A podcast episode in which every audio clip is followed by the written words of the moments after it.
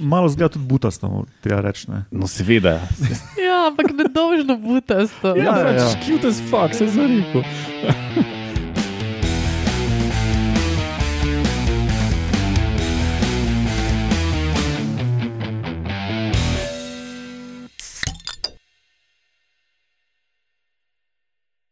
Lepo zdrav, poslušate 212. oddajo Metamorfoza, podcast o biologiji organizmov, ki vam jo kot vedno predstavljamo skozi lahkoten pogovor o pivu. Jaz sem Matjaš Gregorič in danes so z mano veliko glava šefinja Urša Fležar, Ja. vrečasti foter leta Lauro Rozman, Uh, strupena trdo okletnica Alenka Rozman ja, v bistvu sem že skoraj posebni gost. ja, in podzemni trebuho pegec Roman Luštrik. hello, hello. da ni on jamar skoraj. Uh, ja, Alenka, zdaj te parkrat ni bilo, ne, tako da prav fajn, da smo se zdaj spet um, dobili v Ja. yeah. popolni zasedbi. Že full čas. Vse veš, pač to, te pol biznismeni nikoli nimajo cajt, ali bizniswoman, ni, kako se temu reče. Ja, danes bomo imeli na sporedu eh, dve novici, dve novi raziskavi. Prva o tem, kako je ena invazivna mravlja spremenila dieto levov, pa potem druga, kako je ena mušica spremenila rastlinsko past v valilnico. Pa potem, ali ste vedeli, da, se nekate, da nekateri vrečari plenilcem žrtvujejo mladiče, in potem dva vaška posebneža, strihninsko drevo in žaba, ki živi v sožitju s ptičjim pajkom. Sicer pa Metamorfoza ima svojo spletno bazno postajo na medijski mreži Metina Lista, ostale admin zadeve na koncu. Tu na začetku povemo samo še to, da hvala Aris, Agencija za raziskovalno in inovacijsko dejavnost Republike Slovenije za par cvenkov. Uh, in uh, Tamaš, hvala da, um, za donacije v naturalijah. Danes pijemo tudi tokaj iz Mačarske vino, se pravi Mhm. Tamaš, čeprav ne, ne, ne more poslušati podcasta, mislim, lahko ga, ampak ga ne bo razumel. Nam je doniral tri flaše, to je zdaj prva od teh treh. Vseeno se zahvaljujemo, ja. ker je bil prijazen. Ne. Ja, ok. Potem pa, uh, preden začnemo to epizodo, povemo še, kdaj to snemamo. Ne? Na današnji dan, leta 1777, torej pred natanko 247 leti, je umrl Johann Karl Friedrich Gauss, nemški matematik, astronom, fizik in geodet. Um, kot sem prebral, je bil menda splošen in matematični genij in je postal eden največjih matematikov vseh časov. Eh, Med drugim je razvil metodo najmanjših kvadratov, ki vsak, ki se kaj eh, s statistiko sreča, sigurno že slišal. Eh, Vsi smo verjetno že slišali za Gaussovo krivuljo ne, kot izrazom za normalno razporeditev. Pa Gauss je recimo fizikalna enota za merjenje gostote magnetnega polja. Mhm. Uh, predvidel je recimo mednarodni sistem enot, ne, ko je predlagal, da bi fizikalne enote morale bazirati na um, nekaterih maloštevilnih uh, absolutnih enotah, in čeprav je večina sveta že tam, ne, ene države še niso tako daleč. Ja, američani. Britanci. Ne, Britanci imajo metični sistem. Ja, pa včasih pa uporabljajo kamne za težo. Ja, res. Ja, ja. Tok pa tok stonesov. ja, pa jarde, pa milje, pa vozle. Pa. Imajo pa veliko tudi uh, metrični že. Ja. To je že kaj v tem mojem um, v zapiskih šest strani, pa sem komaj popraskal po začetku um, um, vseh inovacij in odkritij, ki, ker je bil on uh, neposredno pleten. Tako da pri vseh sorte drugih odkritjih in izumih je bil instrumentalen. Tako da preberite si kaj o Gaussu. A veš, kaj je meni dober fun fact okoli Gaussa, ne? Oziroma okoli Gaussove krivulje, ki je um, pač normalna razporeditev, da če to velja, pol je polovica podpovprečnih.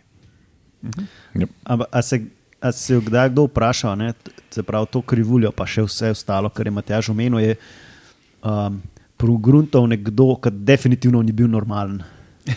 Ja, ne, Gauss ni bil na vrh, Gauss, ampak čist na desni. Ne. Ja. Ja. No, pač ne, na enem koncu krivulje bil. Ne. Sej, ne vem, če si znal čevlje zavezati, no, ampak Pustimo to. Ja. definitivno je bil pa uh, matematični genij. Jaz imam še tri stvari. Pa povej eno od teh. No. Okay, um, na današnji dan, 1893, je, je bil izdan en patent gospodu z, imenom, z imenom Rudolf Diesel. Uh. Kdo ugane za kak, kakšen patent? Ne, ne, ne moremo uganiti. Patent za dizelski motor. Ja, tak. A, Si predstavljate, da bi imel ta človek kaj bolj kompliciran ime. Ne? Imaš bencinarja, pa Pa imaš dizla, to je to. Flaflerja. Pa vankla. Ja, manjkalo bi lahko. Ja. a pa je bil tudi benzin, nun ta drug, kaj pa benzinski motor izumil. Viktor Benzin. ali ne vem. Ja, kaj tazga. No, Tisti ne vem. Ampak to se. Ok, naj bo dovolj, gremo na novice.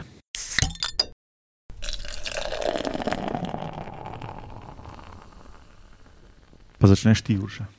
Eno razočaranje, no. Uh, moram Samo reči. eno. Ja, Womp, womp. Tale, tale novička.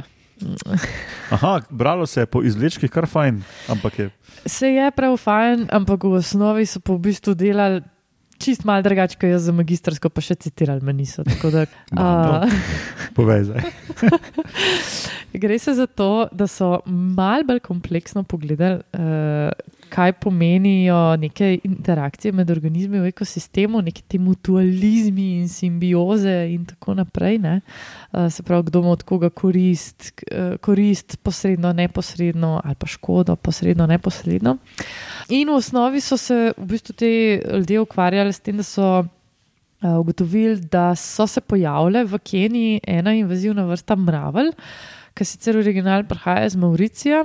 Ampak eh, pač v Afriki, v celinski Afriki je pa invazivna in kar naredi, je, da neko glavno vrsto, ki simbiozira z akacijami, glavno vrsto mravelj, ki simbiozira z akacijami, praktično izpodrinejo. Ne? Skratka, če ta invazivna mravlja pride v te akacije, unete domače ni več. Zdaj, kaj je fora tega, ne? mravlja je mravlja? V bistvu ni mravlja, mravlja je kar važen, kakšna mravlja je, ker te domače mravlje se na določen način obnašajo, da te akacijam, tem akacijam um, koristijo. Predvsem, ko pridajo do njih sloni, ki se hočejo z njimi hraniti. Z akacijami namreč. a Ne? Kaj naredijo? Ko slon začne ubirati tune listke, pa lomiti vejce, te mravlje pridajo pač iz akacije ven in začnejo slona napadati. Zlezajo mu v nos in ga začnejo nažigati. Ne? In na tak način slon. Kari. A? Akacijo kari. ja, ja, ni jim tako prijetno. No, zato, ker uh, prej slon neha ubirati tisto akacijo, ali mogoče pa celo ne pride do tega, da bi jo čist sesuo in podaril, ker sloni dosta teh dreves podirajo. pa Tako, naprej. Tako da res imajo tako akacijo ne, kot, kot eh, rastlina, pa te mravlje imajo res tako dober odnos in druge drugi um, pač. Um, Koristita. Uh, zdaj, če pa unata druga mravlja pride, ona se pa ne obnaša tako. Ne? In je v bistvu čisto vse, če sloni pridejo že to akacijo, ona pač nič ne naredi. Ne? Se pravi, lahko lo- slon do konca zmelje akacijo, podere akacijo in gre dalje na naslednjo akacijo. Tako da te akacije brez, brez mravelj, ta pravih, niso dolg žive ne? in niso dolg drevesa in niso dolg sestavni del habitata. Tako da, um, da pridemo k bistvu. Ne? Ugotovili so s to triletno raziskavo, da se pozna prisotnost te druge mravlje tako, da se habitat odpira, ker sloni več takih dreves lahko podrejo, kar pomeni, da postaja bolj in bolj um, više vidljivost za neke vrste. Plena, se pravi, konkretno so gledali zebre. Uh, skratka, v odprtih habitatih zebre ful boljš vidijo ne, in lahko prej zaznajo, prej zaznajo neko nevarnost, ki jim preti, ala lev. Uh, po drugi strani pa tudi v odprtih habitatih lev, ki hoče plent zebre, nima nekih full skrivališč, za katere bi se lahko skril, ker vsi vemo, da lev se pač nekako skriva pred napade, ne? še zmeri zasede pleni. Dejansko se je pokazalo, da je uh, levovo plenjenje zebr v takih spremenjenih habitatih uh, padlo iz 62 na 22 odstotkov um, za zebre. Ne? Uspešnost. Uspešnost plenjenja. Ja. Zdaj, ugotovili so sicer, da levi niso lačni, ne sam preusmerijo se na drug plen, v tem primeru na bivole, uh, ki so sicer ful bolj nevarni za lovit, no, ampak očitno vsem so pač postali pred. Tak, glavna hrana, kot ko te zebre, pač niso bile več tako lahek plen zaradi pač tega spremenjene uh, krajine. Tako da um, to je to. No, ampak fajn si rekla, ne, da um, za poslušalce, ki niso biologi, razumeti, zakaj ni mravlja, mravlja ali pa čebela, čebela ali pa metul, metul. Ne, Ja. Da je potem ena kaskada efektov lahko po prehranjevalni mreži. Ne? Čeprav zgleda hudi čisto. Ne? Ja. Ja, Ja. to, me, to me spomni, kako smo se učili, kaj pomeni ekološka niša. Ne? Da je to življenjski prostor in poklic vrste.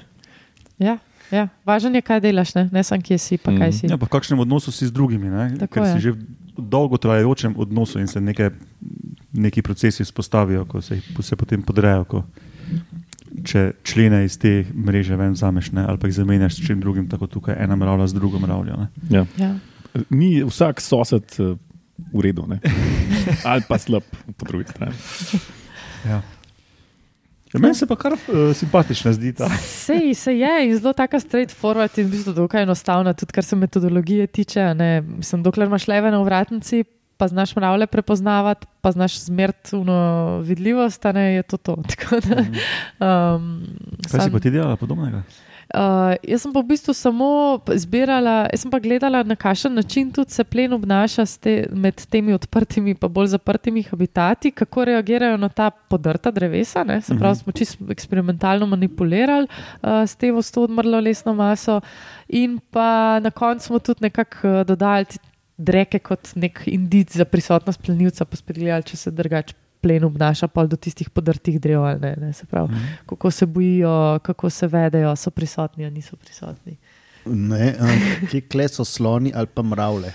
Kako je Um, to isto kot pri tebi in kako je Mravelj- čudno, da te niso citirali? Ne, mravelj, mravelj nismo imeli, smo imeli pa slone kot glavne faktore spremembe okolja, ne? ker smo gledali odprte, zaprte habitate, ki so pač posledica prisotnosti slonov in potem še kakšnih drugih teh herbivorov, ki se pasejo, pa podrto drevje, ne? oziroma odmrlo lesno maso, ki so pa tudi sloni glavni, ki jo vnašajo v, v habitat. Ne? Tako da posredno smo se sloni. Zato tudi naslovom imam slone, čeprav se nismo neposredno z njimi ukvarjali. Ampak ja. Le slab review proces. Ok, hvala Urša. No, pa gremo še na drugo novico. Se pravi, ne o tem, kako uh, mravlja vpliva na akacije in leve, ampak na to, v kakšnem odnosu sta mušica in ena rastlina. Zdaj pa, preden grem v bistvo zgodbe, se mi v bistvu zdi, da, je tukaj, um, da se tukaj pogovarjamo o dveh nekih splošnih temah. Eno je opraševanje, ne? in opraševanje je lahko raznolikih oblik, ne? ampak v splošnem vsi vemo, kaj je opraševanje. Se pravi, ponavadi je to nek mutualizem, se pravi, da imata in rastlina, ki je opraševana, in opraševalec imata nekaj od tega. Recimo, ne. recimo opraševalec hrano, pa rastlina pa uh, pomoč pri razmnoževanju. Razen pri orhidejah. No, razen tam, kjer uh, so rastline žleht in um, lažejo opraševalcem, ali pa jih jejo, ali pa kaj takega. Poredna, poredna. Ampak vse o tem smo že kdaj pogovarjali, pa sem pripričan, da poslušalci že kaj o tem vejo, pa bomo tudi sproti še malo razložili. No. Uh, druga taka tema, ki se z opraševanjem prepleta, je pa obroževalna tekma, evolucijska obroževalna tekma, uh, kjer je pač taki najbolj textbook primer uh, plen plenilec. Ne, se pravi, da ste recimo plen in plenilec v nekem dinamičnem ravnotežju, kjer skozi evolucijo je evolucijski pritisk na plenilca, da je vedno boljši plenilec, in posledično na plen, da, je, da vedno boljše ubeži temu plenilcu. No, zdaj pa o čem se gre v tej novici? Ne? Gre se o rastlinah vrčkovkah iz rodu Arisema. Ponavadi, ko o vrčkovkah govorimo, smo o enem drugem rodu govorili, ko pač samo jejo zaradi, um, ne vem, ker recimo rastejo v okolju, ker je malo dušika ali pa kaj, pa dobijo to iz insektov. Ne? Ne, ne pentes. Ne? Ja, nepentes, ja, so te, ta tipični rod, um, spravi ti vrčki z neko tekočinco noter. No, ta arisema je pa malo drugačna, pa smo se pogovarjali o tem v 188. oddaji, če se spomnite. Yep. Seveda, ne, tudi jaz sem, jaz sem se nekaj bežno spomnil, ko sem slike videl, pa o tem sem jaz govoril ne, in sem šel potem gledati. In to je bila 188. oddaja, kjer sem vam razložil, da te vrčkovke rodu Arisema pa so čudne potem, da svoje opraševalce ubijajo. In rastline dišijo kot neke gljive ali pa kot mušica partnerica. Se pravi, obljubljajo neke gljive, kamor te mušice odlagajo jajca, Ali pa seks. pa obljubljajo seks. Ne? In, um, samčki ali pa samice pridejo na te rastline, ne? na te vrčkovke, in če padejo v moški vrček, se pač tam valjajo, po, pa povaljajo v pelodu. Ampak tam je ena luknjica na bazi tega vrčka, in prej slej bojo našli izhod in bojo šli ven. te Ja, to smo, mušičke. to smo imeli. ne? 180 ja, oddaja. ja. Ja. Se zdaj Ko pa spomnim. potem enkrat najdejo te uh, s cvetnim prahom obogatene uh, mušice iz, iz, um, iz, iz moške rastline, vrčko, ki je žensko rastlino, ne, ta pa ima podoben vrček, ampak brez luknjice, in ko padejo noter, pač ni izhoda in se pač valjajo tam in dobro um, oprašijo tisti ženski cvet. Um, Pa še nahranijo ga. ja, in pač ne pridejo ven in potem še nafutrajo žensko rastlino. Ne. Fem fatal, ja. Mm. No, že potem so čudne. Ne. A je kdo slišal fem fatal, je rekel Laura. Ja. Moje kar primerno ime za tole. Plant fatal. No, ampak tukaj zdaj pridemo komaj do bistva te zgodbe. Ne, To je bil zdaj uvod. Ja, to je zdaj bil uvod. ne. Epski. No, in to je taka- tak zelo antagonističen odnos, ne? se pravi, v bistvu bolj kot plen plenilec. Zato sem dal mm. te primere iz začetka. Ne? V bistvu je rastlina, ki je oprašena, je za opraševalca plenilec na nek način. Mm. Um, no, in v luči te neke obroževalne bitke bi tako intuitivno rekel, aha, mogoče pa bo v neki populaciji teh mušic prednostno tisti oseb, ki bo imeli prednost, ki se naučijo izogibati uh, vonjavam, ki te vodijo v ta pogubni vrček, recimo, ali pa nekaj. Sorry, sem nekaj. A isto dišita moški pa ženski cvet. Zdi, da ja. Ja. No, ampak tukaj ima ta zgodba drugačen twist, ne, da obroževalna tekma med vrčko in mušico ne vodi to, da bi se mušica izogibala cvetovom, ampak da začne uporabljati te cvetove za svoje lastne valilnice. In te mušice um, pač na neke, na neke glive hodijo odlagati jajca, ne? in očitno so se v evoluciji prilagodili, da če pa že osebek pade v ta vrček, iz katerega ni izhoda, pa izleže jajčica na truplica ostalih insektov v, te, v tem vrčku, in potem ličinke jejo ta truplica. ne, Se izležejo in potem nek delež jih uspe pobegniti v vrčku, nek delež pa pač ostane tam noter. In, No, ja. ja, ne. Če že, a ta vrček pa tako počasi prebavlja, da je čas za vse to. Očitno, ja. Ampak v dveh tednih, menda od jajčica do izleganja eh, od, odrasle mušice poteče. tako da. Sprav mora biti kar dost trupelc, ne? Uh, Ja. da, da si lahko to prvošče, No, pa da je dosti časa. Avtori še vedno sklepajo, da je valjda bolj ugodno ne pasti v ta vrček, ampak če pa že si samica te mušice, pa padeš noter, je pa boljše vsaj tam na tista truplica izlešti jajca, pa vsaj nekaj bo z tega, ne, kot pa da samo umreš, pa si hrana. Ne. Ja, stran pa nam metal. Potem avtori tudi špekulirajo, da je to mogoče, da, da so v bistvu s tem pokazali, kako lahko v evoluciji prideš do tako imenovane do valilniškega mutualističnega opraševanja. Zdaj pa, da to razložimo, obstajajo tipi opraševanja, ne, kjer, kjer tisti opraševalec, tista žuželka, ne gre na cvet, da bi dobil hrano, ampak da tja izleže jajčica in potem njegove ličinke, opraševalce ličinke jejo dele tega cvetova, plodova, kakorkoli. ne. Kot figa, ne? Recimo, zdi, da ne. je figa ena taka fora. Ja, ko ima tiste osice. Mhm. Uh -huh. No, ampak kako pa do, do tega priti, ne, lahko, imaš, uh, lahko ima neka vrsta populacija na neki točki eno drugo primarno mesto za razmnoževanje, pa potem prek nekega takega načina, kot je tukaj, postopoma potem se vrsta v bistvu specializira mogoče na eno tako vrčko. mogoče, če bomo živi še kak milijon let, ne, bo mogoče ta mušica Ja, že ful, v nekem mutalističnem odnosu. Ne. ful dober faktor za speciacijo, v bistvu, da Ja, ja, se ja, ločijo ja, une mušice, ki ne znajo priti ven iz vrčka, ne, pa une, ki Ja, ali pa ena populacija, ki živi, ker teh vrčkov ni, vrčkov ni recimo. Ne. Pa da je dovolj so malo mešanja, ta-starem. vmes, no, kakorkoli. Lepo ugljive odlagajo. Taka zapletena zgodba, no, se mi je zdela kar simpatična. Pa upam, da sem jo dovolj jasno razložil tudi za nebiologe. Če ne, ne si pa še enkrat 188 to predvajajo, pa še enkrat uvod v to in pol bistvo. Ja. Jaz sem najprej mislil, da boš rekel, da so pa ene mušice, ki pa so začele grist čez, čez ta vrček, pa so tako vam prišle. Ja, in pa bi lahko callback na une hrošče, ki plavajo skozi žabo, da pridejo ven. ali pa na Cojzovo zvočnico, ki morajo žuželke dejansko pregrist se skozi cvetno cev, da, pri, da Ja, ja, lahko sploh poprašijo. Mm. Ah, Zato zgleda tako malo zjebane, ker so malo starejše. vedno sem se sprašvala, se ti kdaj odpre ali ne. Ne, nikoli se, pa to je tudi že enkrat smo to imeli v metamorfozi. Matjaž bo pogledal, imeli, kje ja. številka je bila. Moje en, enajstka mene glih še ni bilo zraven. Jaz se ne bi spomnil. Zdaj takoj bom pogledal, ker imam tu računalnik pred sabo. Evo. V 99. oddaji smo to imeli. Uh, Nekaj časa je že od Kar takrat. nekaj let nazaj. Ja. Meni se to sliši kot včeraj. Ok, dobro. Potem pa mislim, da je čas, da gremo na ali ste vedeli.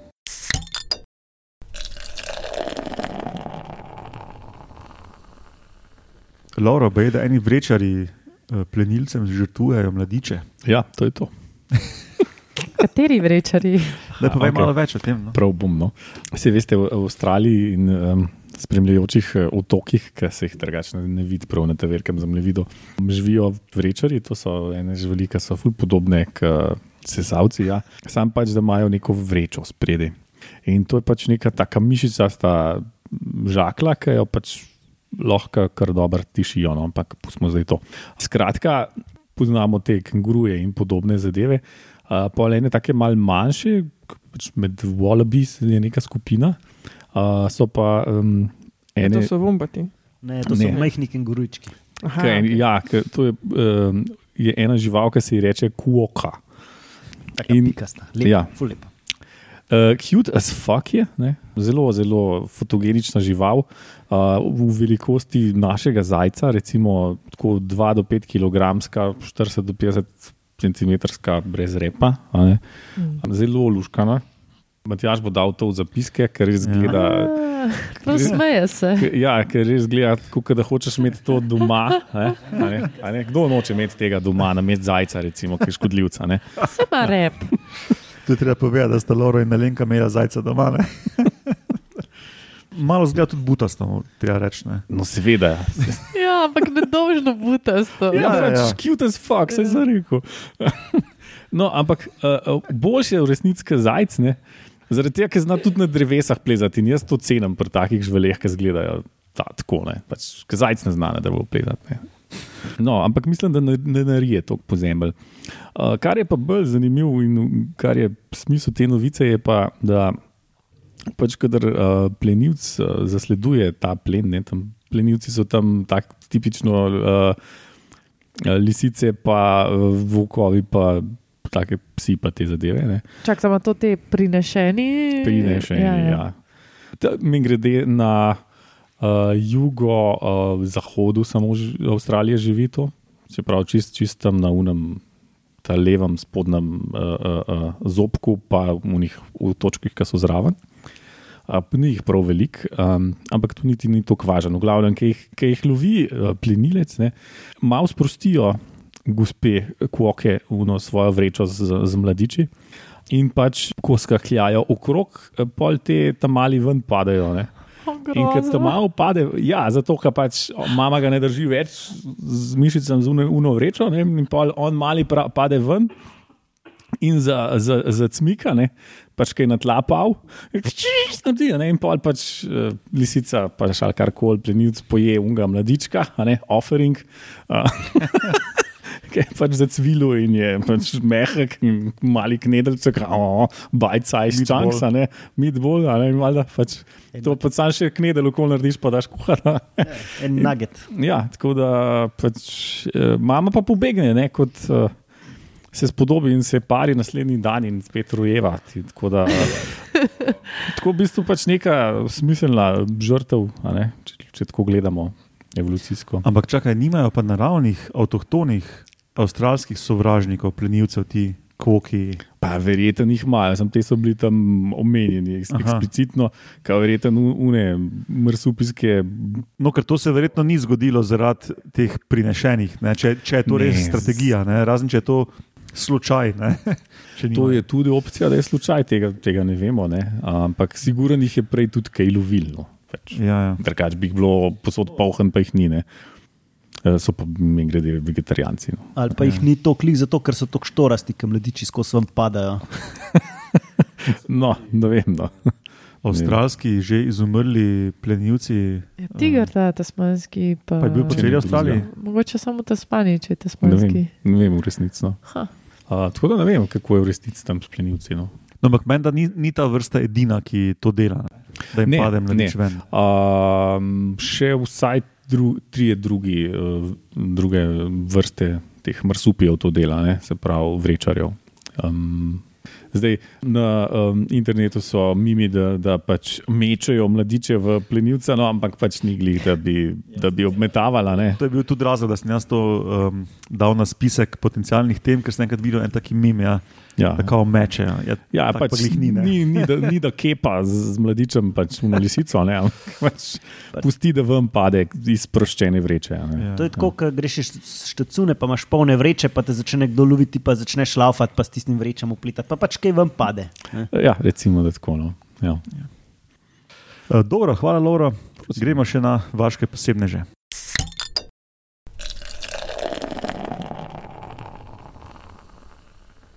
Pa začnemo s trihninskim drevesom. A veš, kako se mu reče po slovensko? Ima ime. Ja. Trihninsko drevo. Ne, bljuvalni orešek. Aha, Uh, Ja, ja, ima še eno luškano ime. aha, bom pa to spremenil. Eni mu reče tudi Quaker Buttons, kot, kot um, ti ena veja angliških kristjanov, veš, kvekari. uh -huh. Ja, tisti, ki ne priznavajo nasilja. Drugače to je drevo, ne, kot smo rekli, živi v Indiji, pa jugovzhodni Aziji in je iz rodu uh, Genti Anales, kot Incijani. Kot ima v, v vrstnem imenu, je naravni vir strihnina. Um, ampak kljub temu ga jejo ene ptice, pa opice.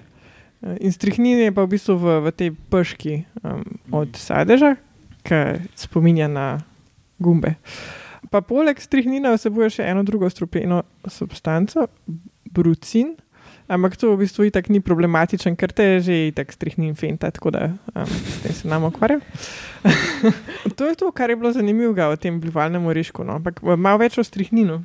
Ba je, da je grenek, uh, bolj zanimiva lastnost je pa, da povzroča mišične krče, tako kot pri epilepsiji, zato ker se neki um, mede v ta pač v. v Ploščica, motorična, verjetno. Ja, mislim, da nekaj dela na ta uh, acetilholinske receptorje, mm. pač na to je živčno pot, kako se mišice aktivirajo.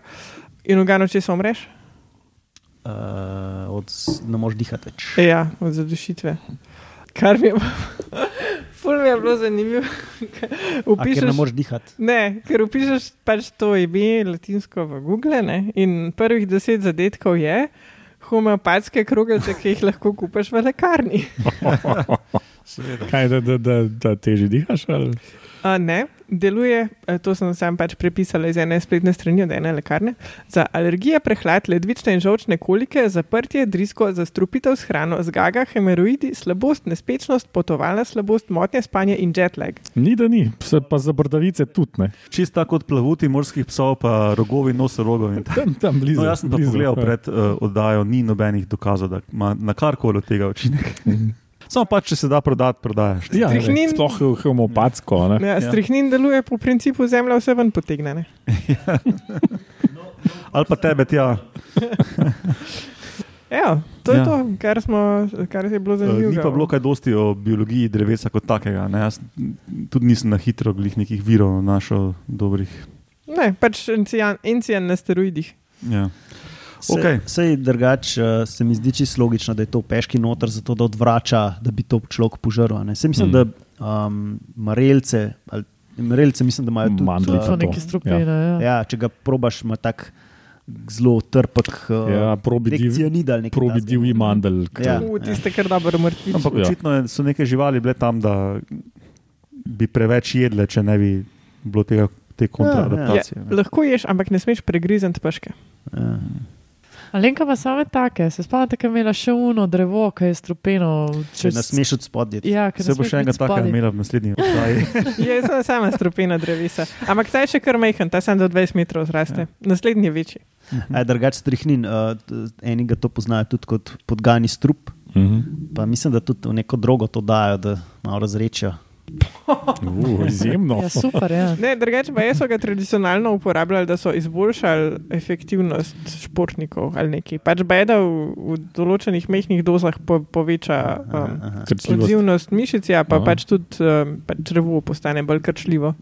Roman, če bi preveč razrečil tisti drugi, bi pa homeopatsko postalo. Mhm. Se mi zdi, da je nekdo že bil na tej ideji. To je pa že zdravilen, Matjaž, pa pa ni, da ni. Dobro, gremo še na uh, drugega vaškega posebneža in to je ta žaba, ki živi v sožitju s ptičjim pajkom. Roman, povej, kaj je zdaj To, ti, to, to sem dal tebi, ker si ti to uh, Na Twitterju nekje širo okolja. Ja. Ja. Poslušajte zdaj. Ja, gre za ene žabice, ki se je latinsko in reče, če bo kdo googlal Hiasmocleis vetrimaculata. Šur. Eh, Angliško, ameriško ji rečejo dotted humming frog. Zato si pa trebuho pegec, roman. No. Iz, Zato sem, sem pa rekel, da bi bila to lahko pikčaska, pikčasta mrmračica ali pa mrmračka, kaj ta ker mrmra. Hmm, ne. aha.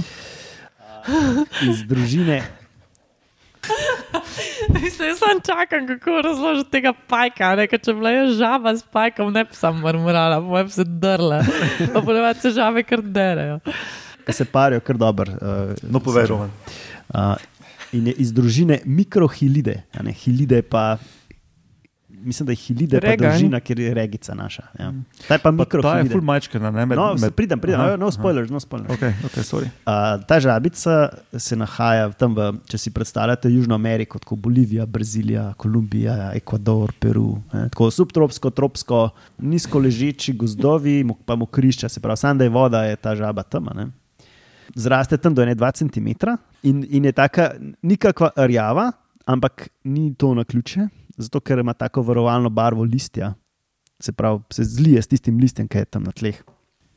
In kaj je tako posebnega, ne, da živi v luknjah, ki jih izkopljajo ene tarantele, mm. uh, iz rodu Zenestis, uh, vrsta je pa Imanis. Zenestis, X Enestis Imanis. Uh, tega imena. pa Drugače, nisem- kar pogosta tudi v, um, kot hišni ljubljenček. A, res. Okay. Teda, Bom pogooglal. Pa. Dajte, poslušalci, če, če še kdo tako navdušen nad latinskimi imeni, dajte napisati v komentarje. Ja, javite se. Mogoče čist pretiravamo s tem. pa njim. Jaz mislim, da ja. jaz pa prav uživam, ko roman to razlaga. Uh, Drugače, tako so, uh, čez dan so noter v luknji, se skrivajo, po noč pa pridejo ven. ja Kaj študenti? Ja, če pridejo ven, pa tako ne grejo full daleč od, uh, od vhoda, tako 5 cm, što je tako. Kaj Dve telesni dolžini pa pol. Na čik. Ja, in, in tam pač se prehranjujejo tako, da um, imajo strategijo sit and wait forage mode. Unik imate otroke, razumete, kaj to je. Sedi pa čaka, da bo kdo na futro. Yep. In pol, ki se naje, tu hiter noter nazaj v luknjo. Um, Čak samo, nisi povedal, a to živijo v luknjah, ki so jih te pajki naredili spajki ali tistih, ki so že zapustili te luknje, tako da so bivše luknje od pajkov. če bi počakala, pa bila potrpežljiva, bi ti to vse to zvedla. Če bi mi zapiske kle zraven špegala, bi to videla, da imam to. Skozi gledam v telefon, pa nič ne vidim. kaj piše. Um, drugač pa je pač klasična žaba, um, zleže ne vem, 400 jajc v vodo, ima majhne pagločke, um, te pagloci odrastajo. In, Te že povej, kaj ste mi pajki. No? no, to je zdaj o žabi. a ne? Pa pa pridemo zdaj na, na, ta, na ta odnos, ki ga imajo spajki. In ni znano, ali gre za mutualizem ali komenzalstvo. Kaj to pomeni? Ni jasno, ali, ali, ima, ali ima pajk kaj od tega, ali ima nič, ali ima kaj od tega. ne. Mutualizem pomeni, da ima, nek, da ima ta oba nekaj od tega, komenzalstvo pa lahko pomeni, da je pač tam je in En izkorišča, ampak ne dela minusa. tako tega, ja. ne, ni pač na parazit, nuli ne. je. Recimo, ja. So teze v eno in drugo smer, ne, seveda, uh, ker uh, mnenja so tako kalulčki, ne vsak ima enega. Um, zato, ker je žaba tam v tistem, eh, tisti luknji od pajka prisotna, ima neke antimikrobne snovi na koži in s tem varuje jajca od pajka pred uh, nekimi plesnimi pa taka. Ne. Ali pa recimo, da s tem, ker žaba tam živi, pa je tiste mravlje okoli, s tem preprečuje ali pa zmanjšuje verjetnost, da bi te mravlje prišle v luknjo in pojedle ali pa odnesle jajca od pajka. Uh, pa da bi ostanki plena od pajka bili lahko hrana za žabe. Tako, pač vse sorte opazovanj lahko Pa imajo. mladiči od pajka bi bilo hrana za žabe. No, in um, recimo opazili so, da ko pride ta žaba v tunel noter, se nič ne zgodi, pajk kar ve, da je ta prava. Uh, so pa opazili, da pajk napada žabe drugih vrst. Ne, tako da očitno loči, zdaj kako, ne, ali po vibracijah, ali po vonju, ali uh, po čem drugem, to mislim, da ni znano. A nisi rekel, da je humming žaba? Ja, glej, smo hotel reči, kaj pa s tem Ne, mrmranjem. mogoče pa se zdaj reče, jaz prihajam noter, ne me napast. Ne, jaz mislim bolj, da uspavam, ko zapoje pajku in to, mm, pol ga to pomiri in pol ga ne poje. Ja, mogoče je tak uh, primkajoči se zvočnik, A ta tak žabica. ASMR žaba. A kaj je tisti, ki Karkoli imaš na. YouTubu? Ke Je kar neki, nekdo se je še petal v mikrofon, pa dve ure tega in hey, MSR, okay. ali nekaj ta. Ne. vem. Ja. Neverjetno so kar vibracije ključne, glede na to, Jaz bi rekel, pajki da plenijo. pajki ful velikrat Ja. zaznavajo prek vibracij. Kdor ima ptiče pajke doma, ne, kot neke eksotične ljubljenčke, to nekaj vržeš noter in takoj, ko je stik s podlago, pajek skoči. Ne, veš. Ni da bo najprej vohal, kaj je zdaj to. Ne. Ja. Ni časa, v naravi ni časa, Ne. da moraš skočiti. Ampak, a so pol, mislim, to, če je to tako logično, ne, si predstavljam, da bi pol preverjali, na kakšen način ima pa ta žaba, mogoče te njene tačkice, blazinice, da, da, da zaduši vse te potencijalne vibracije ali pa kaj takega. To dvomim, da zato, ker če imaš maso, pa imaš stik s podlago, povzročaš vibracije, to je tle težko karkoli. Ne, ampak verjetno hodi na način, Pač da frekvence, mogoče, ki jih ja, oddaja, ja, da je svojo to, hojo, ja. mogoče ima posebno, ne vem, hojo, mogoče ima uno silly walk.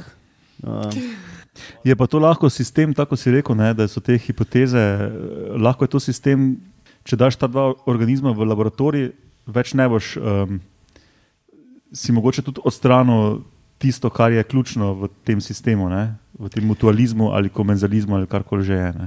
To se zdi kot idealen projekt za metamorfozo, da gremo raziskati Na naravo. zebre gremo Ja. Xenestis, In, Imanis in, in in Matjaš. Ja. Ko končamo z zebrami, Ne ali. In ja, pa gremo. Jaz bi šel pogledat. kraj, kar prežave. več.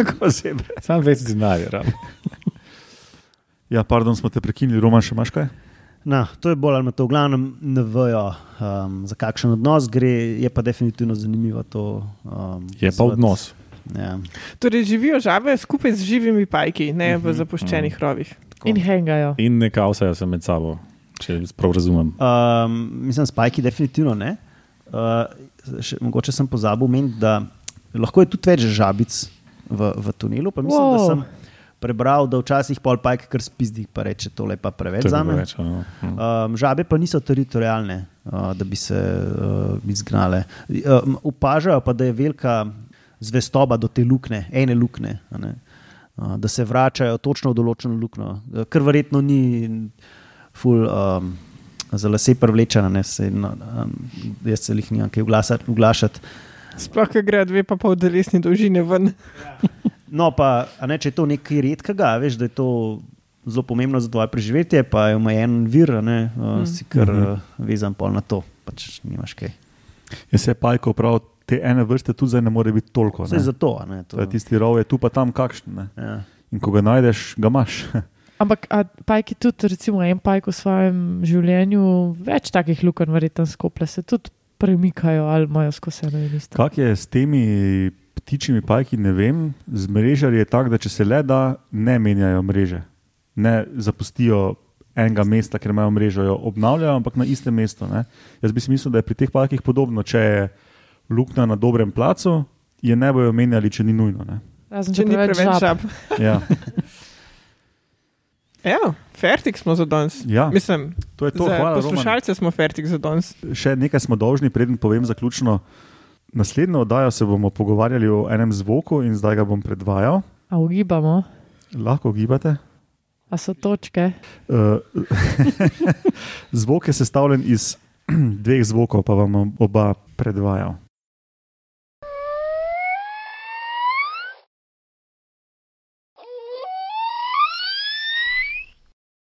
To je to. Me se to sliši, kar je odraner.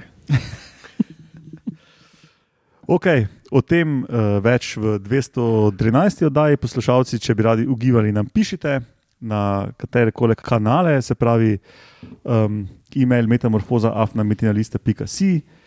Uh, na Twitterju, hashtag metamorfoza, tam smo uh, Roman in jaz pod Ed Romuno in Ed Matjaš Gregorič. Uh, lahko nam tudi pišete ali pa nas posledite na Facebooku, tam imamo Facebook stran Metamorfoza.